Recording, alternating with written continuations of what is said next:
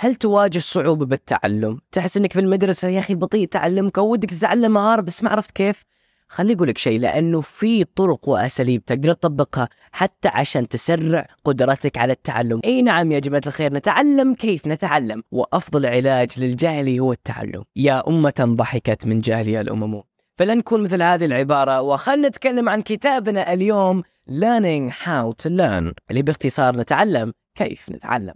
معكم محمد القفاري والدكتور فلان بن علان. اليوم في بودكاست صفحتين اللي مو بس ناخذ كتب ولكن نعيش كتاب في 20 دقيقة. لا تنسون تلبسون بطانية إذا أنتم بردانين أو شغلوا المكيف إذا أنتم بالصيف. وخلنا نقول بسم الله الرحمن الرحيم. في الكتاب Learning How to Learn يتكلم عن أساليب كثيرة للتعلم. ولكن اليوم في صفحتين حنا نقينا سبع من أهم الاستراتيجيات اللي يذكرها في الكتاب. يعني باختصار أنت الحين مثلا قاعد تتعلم مهارة أو مثلا قاعد تحفظ معلومة أو تحاول تفهم منهج مثلا الاختبار ودك تمتحنه أنت تقدر تطبق هذه الأساليب حتى عشان استيعابك للمعلومات قدراتك على الحفظ وكل هذه الأفكار تتطبق بشكل أسرع. فأول شيء خلينا نفهم وش هو العقل. عقلك ممكن تقدر تكون في حالتين.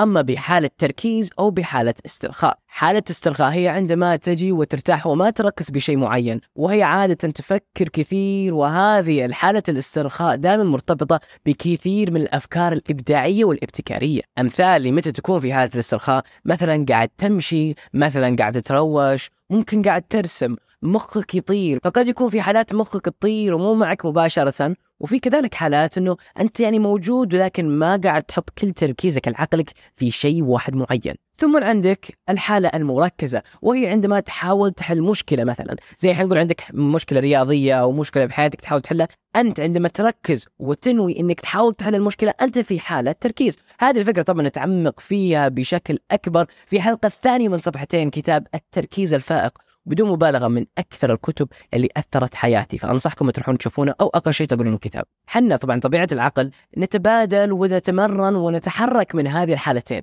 لكن عندما نفهم إنه في حالتين بيسهل علينا التحرك بين المشكلتين. يعني مثلا لو أنت تحتاج تطلع اسم لمقال كتبتها، المفروض ما تكون في حالة مركزة تحاول تحل مشكلة، لأنه كذا ما تسمح لعقلك يبتكر ويبدع.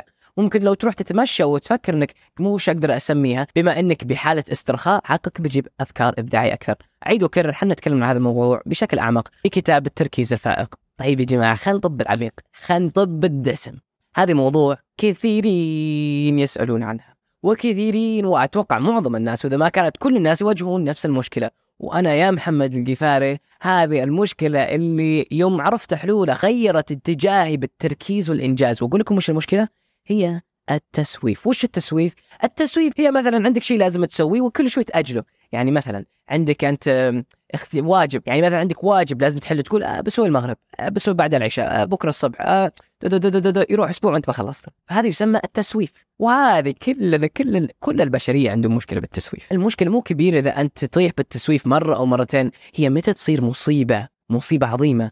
عندما التسويف تاخذ من حياتك تبدأ تستمر بالتسويف لمن تصبح عادة مستمرة. دائما أنت دائما تصاب بالتسويف. وهذه خطر وهذه انتبه منه التسويف هو معه شفاط يشرب من وقتك. فعشان تحارب التسويف لازم تعطي لنفسك وقت الوقت للراحة ووقت العمل. يعني التسويف عادة تجي عندما تحس إنك ما أنت مسترخي بالكامل أو ودك ترتاح أكثر فأنت كذا لعقلك أنا بخليك ترتاح بعد ما نشتغل. طيب وش نسوي بشكل مفصل؟ في طريقة كثيرة مشهورة يسمى the Pomodoro Technique أو طريقة الطماطم حقيقة هذا اسمها. وهي نظرية فكرتها إن تقسم تركيزك وإنجازاتك ب 20 دقيقة و5 دقائق. يعني مثلا أنا الحين لازم أكتب التلخيصة لكتاب Learning How to Learn فأنا وش سويت يوم جيت أكتب هذا الكتاب؟ طبقت نفس الفكرة. أجي أكتب وألخص الكتاب لمدة 20 دقيقة ثم آخذ فاصل أرتاح خمس دقائق ثم أرجع وأشتغل 20 دقيقة. أجي وأخذ وأفتش الكتاب وأخذ معلومات ثم أرجع خمس دقائق أرتاح ثم 20 دقيقة أشتغل خمس دقائق أرتاح ثم 20 دقيقة أشتغل ثم رابع مرة تأخذها 15 دقيقة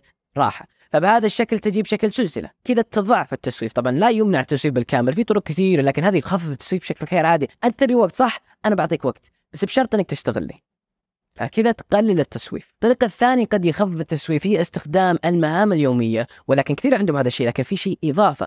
باستخدام جدول مثلا زي تقويم جوجل Google Calendar. تقدر مثلا إذا طلعت التقويم إذا عندك المهام تحط أي الساعات المعينة اللي بتشتغل على مهامك. مثلا أنا عندي ممارسة اللغة الفرنسية من 9 للساعه 10 مثلا عندي قاعد الف كتاب أنا بألف من الساعة 10 ل 11 مثلا اليوم لازم أروح للبقالة وأروح أشي غرض طيب بروح بقاله الساعة 11 للساعه 12 يعني أنت حاط وقت مخصص في جدولك تروح وتفعل هذه الأشياء. حتى عشان إذا قمت الصبح المفروض تسويها قبل ما تنام عشان إذا قمت الصبح تعرف وش تسوي. مو بتقوم تقول والله وش بسوي؟ أو لازم أسوي كذا بعدين بعدين. لا أنت عندك لازم تسوي الساعة 12 لازم تسوي الساعة 2 فعندما صارت واضحة وعندما أعطيت لعقلك الوقت للاسترخاء كل ما يقل ويقل ويقل التسويف. ولكن لا تنسى أن التسويف بالنهاية بتجي لكل شخص. عطشان يا جماعة الخير. دقائق.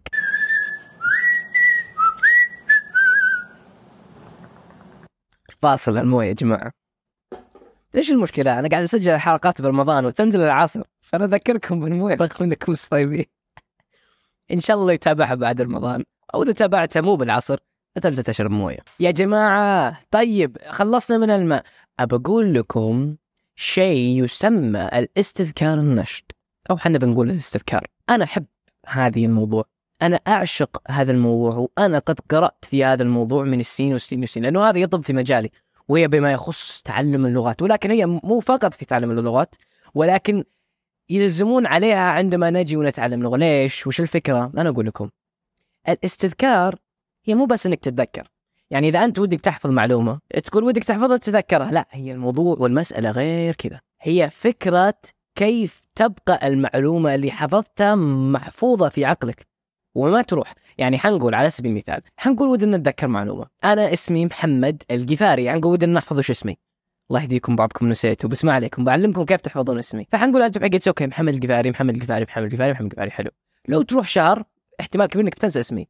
لكن لو تحاول بكرة نفس الوقت حاول تستذكر تقول وش كان اسم مقدم برنامج صفحتين؟ حق صفحتين وش اسمه؟ يسمونه سفير المشلح وش يسمى؟ محمد إيش؟ محمد القفاري الحين بما إنك استذكرته بعد مدى بتحفظها لمدى أطول. ولو تروح بعد أسبوع وتحاول تستذكرها مرة ثانية تقول شو اسمه ذاك حق صفحتين؟ محمد ليش اي محمد القفاري بتلقى إنه بعد شهر لكن لو أول يوم يوم شفت هذا الحلقة تكون محمد القفاري ورحت بعد شهر يمكن إنك نسيتها. طيب خلينا نفكك هذا الفكرة بشكل علمي. هذا يسمى المنحنى النسيان أو the forgetting curve وهي باختصار كما تشوفون قدامي. لو أنا أحاول أحفظ معلومة متوسطا يمكن أحفظها لمدة أسبوع أو أسبوعين. ولكن لو بنص المدى أجي أحاول أتستذكرها من عقلي مو بأقراها لا. حاول أخرج المعلومة من راسي كأنه على حد لساني. تعرفوا إذا حاولت تطلعون المعلومة؟ وهو على حد لساني كذا وش بس؟ هذه الشعور اللي ينتبه. لأنك إذا تذكرت تذكرها بشكل أطول. فلو استذكرتها بنص المدى بيرجع وبيجلس بمدى أطول. كما تشوفون بالصورة اللي قدامي. فمو دائما لازم تكتب كل شيء. ولكن إنك تحاول تستذكرها. طيب كيف تستذكرها؟ الحين نرجع لموضوع اللغات. كثيرين من محبين ومتعلمين اللغات يستخدمون برامج يسمى SRS أو البطاقات الذكية. وهي باختصار يجيب لك المعلومة أو بحالتنا حنا الكلمة أو الجملة قبل ما تنساها بنفس فكرة the forgetting curve منحنى النسيان ففي تطبيقات يدير كل الموضوع لك بس تحتاج تدخل تطبيق وهو يجيب لك أشياء قبل ما تنساها عشان يسمح لك تستذكرها. فمثلا بحالة اللغات ممكن يجيب لي كلمة مثلا luna. يعني قمر بالإيطالي. طيب أنا أقول طيب luna. وش luna؟ وش كانت luna؟ luna luna luna. آآ آآ آآ القمر استذكرتها. لكن لو ما أتذكرها اضغطه ويظهر لي الجواب حتى عشان أحاول أعيد حفظ لي الكلمة مرة ثانية. أنتم مو بلازم تطبقون للغات تقدر تطبقون لأي شيء. متى تأسست المملكة العربية السعودية؟ 1930 لو أجي بعد يوم وأحاول استذكرها نفس الفكرة. أبى أجي اتذكرها أبعد. وابعد الحلقة اللي راحت أنا ليش جبت 1930 الحلقة اللي راحت آه، اليوم كنا نتكلم عن قصر الذاكرة جبنا معلومة 1932 وكيف إلى الحين أتذكر المعلومة؟ لأني صنعت لي قصر ذاكرة وشفت ترامب جالس هنا جنب بالاستديو وراه القسطنطينيه يعني كل الأمور حقت الحلقة راحت للحين موجودة لكن هذا عاد سالفة ثانية. اللي ما يدري السالفة روح شوفوا الحلقة السابقة وهي قصر الذاكرة. كيف تتذكر مثل شيرلوك هولمز الشاهد والزبدة بالسالفة. الاستذكار يخليك تتذكر الأشياء للمدى أطول. النقطة الخامسة هي القصر الذاكرة اللي تكلمنا فيه بعمق الحلقة اللي راحت وفصلناها تفصيل. ولكن أبعطيكم زبدة الزبدة وخلاصة الخلاصة. قصر الذاكرة قائمة على الذاكرة المكانية. يعني أنه عقلك مرة مرة فنان وبطل بالتذكر للأمكنة. يعني مثلا إحنا عندنا استوديو الحين لو ودي أحفظ معلومة أقدر أصنع صورة ذهنية استثنائية عشان أحفظ المعلومة والصقها في الغرفة اللي أنا أحبها في عقلي. أصنع مثل غرفه يعني على سبيل المثال لو بستخدم الاستوديو أغمض عيوني وأشوف نقطة معينة. يعني مثلا الحين نقول الكرسي بالمجلس وأحاول أربط صورة ذهنية فيه. كل التفاصيل هذا عاد دخلنا بعمق بالحلقة السابقة. النقطة السادسة هي العادات الصحية. يعني إذا ودك تكون قادر وفنان بالتعلم وإنك تسمع عقلك يشرب المعلومات شرب لازم تأهل جسدك لازم تأهل عقلك بالعادات الصحية. يعني أولها النوم الصحي. وتقول يا الرجال جانا محمد يبلشنا بالنوم جا وهالي والحين محمد. لا حبيبي ترى النوم مو بس مسألة عشان يجيك طاقة النوم فيها فوائد عظيمة. يعني أول شيء تدري النوم يحميك من مئات ومئات من الأمراض أولهن وأعظمهن الكنسر السرطان؟ لكن تحديدا في التعلم عقلك فيها نوعيتين من الذاكرة. الذاكرة قصيرة المدى والذاكرة طويلة المدى. يعني مثلا لو الحين أقول لك احفظ الرقم 542 ممكن أنت الحين حفظتها 542 في قصيرة المدى. لكن لو تكون بكرة نسيت الرقم. لأنه المسألة هي أن كيف أحول الذكريات اللي قصيرة المدى إلى ذكريات طويلة المدى.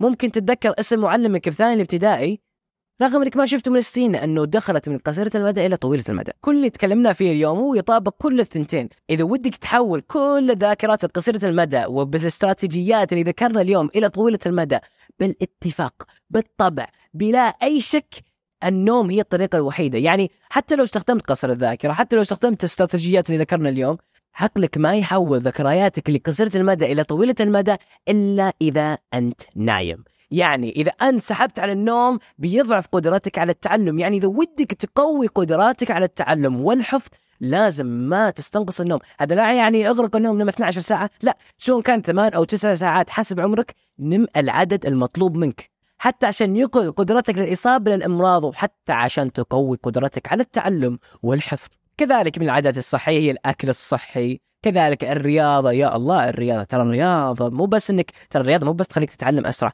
كذلك تملي عقلك بكثير من الهرمونات السعادة والسيروتونين دوبامين. حتى عشان أنت تحس أصلا سعيد بنفسك بشكل عام دائما تكون سعيد دائما يسعدك التعلم. الرياضة ترى شيء عظيم للعقل غير لجسمك يعني فوائد الرياضة إحنا ما نتكلم على على جسدك وإنك تكون صحي لا لا. إحنا فقط نتكلم على مميزات عقلك. الرياضة فيها فوائد كثيرة. واضح إني عطشان اليوم شوي. الموضوع يهمني ذا فاذا تحمست افهموه.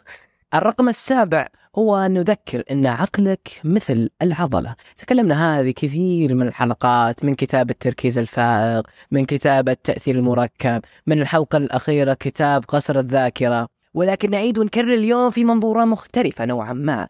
لأن صح وش نقصد أنها عضلة؟ انك كل ما تمارسها كل ما تقوي وكل ما سحبت عليها كل ما تضعف. ولكن هذا لا يعني إذا ضعفت تقدر تقويها بكثرة الممارسة. ولكن إذا حنا نتكلم عن سرعة التعلم يعني ودك تتعلم بشكل أسرع في طريقة ثانية تمارس عقلك غير عن اللي ذكرنا في الحلقات السابقة وهي روح تعلم شيء غير مجالك روح اشطح. أنت مثلا شخص أدبي تحب القراءة وتحب الكتابة وتحب القانون وتحب الأمور هذه روح روح تعلم لك رياضيات شوي. ما أقول أدخل جامعة رياضيات لكن روح تعلم لك شيء معادلة رياضية. روح تعلم التصوير روح تعلم شيء خارج مجالك. روح تعلم كيف تسوي الروبكس كيوب. روح تعلم تحسن خطك. أنت عندما تتعلم شيء خارج مجالك شيء جديد شيء أنت ما تعودت عليه عقلك يبدأ يتوسع مو بس بقدراتك وذكائك ولكن كذلك بقدرتك على التعلم أشياء جديدة. يعني عندما تتعلم أشياء كثيرة كل ما يسهل عليك تتعلم أشياء أجدد وأكثر.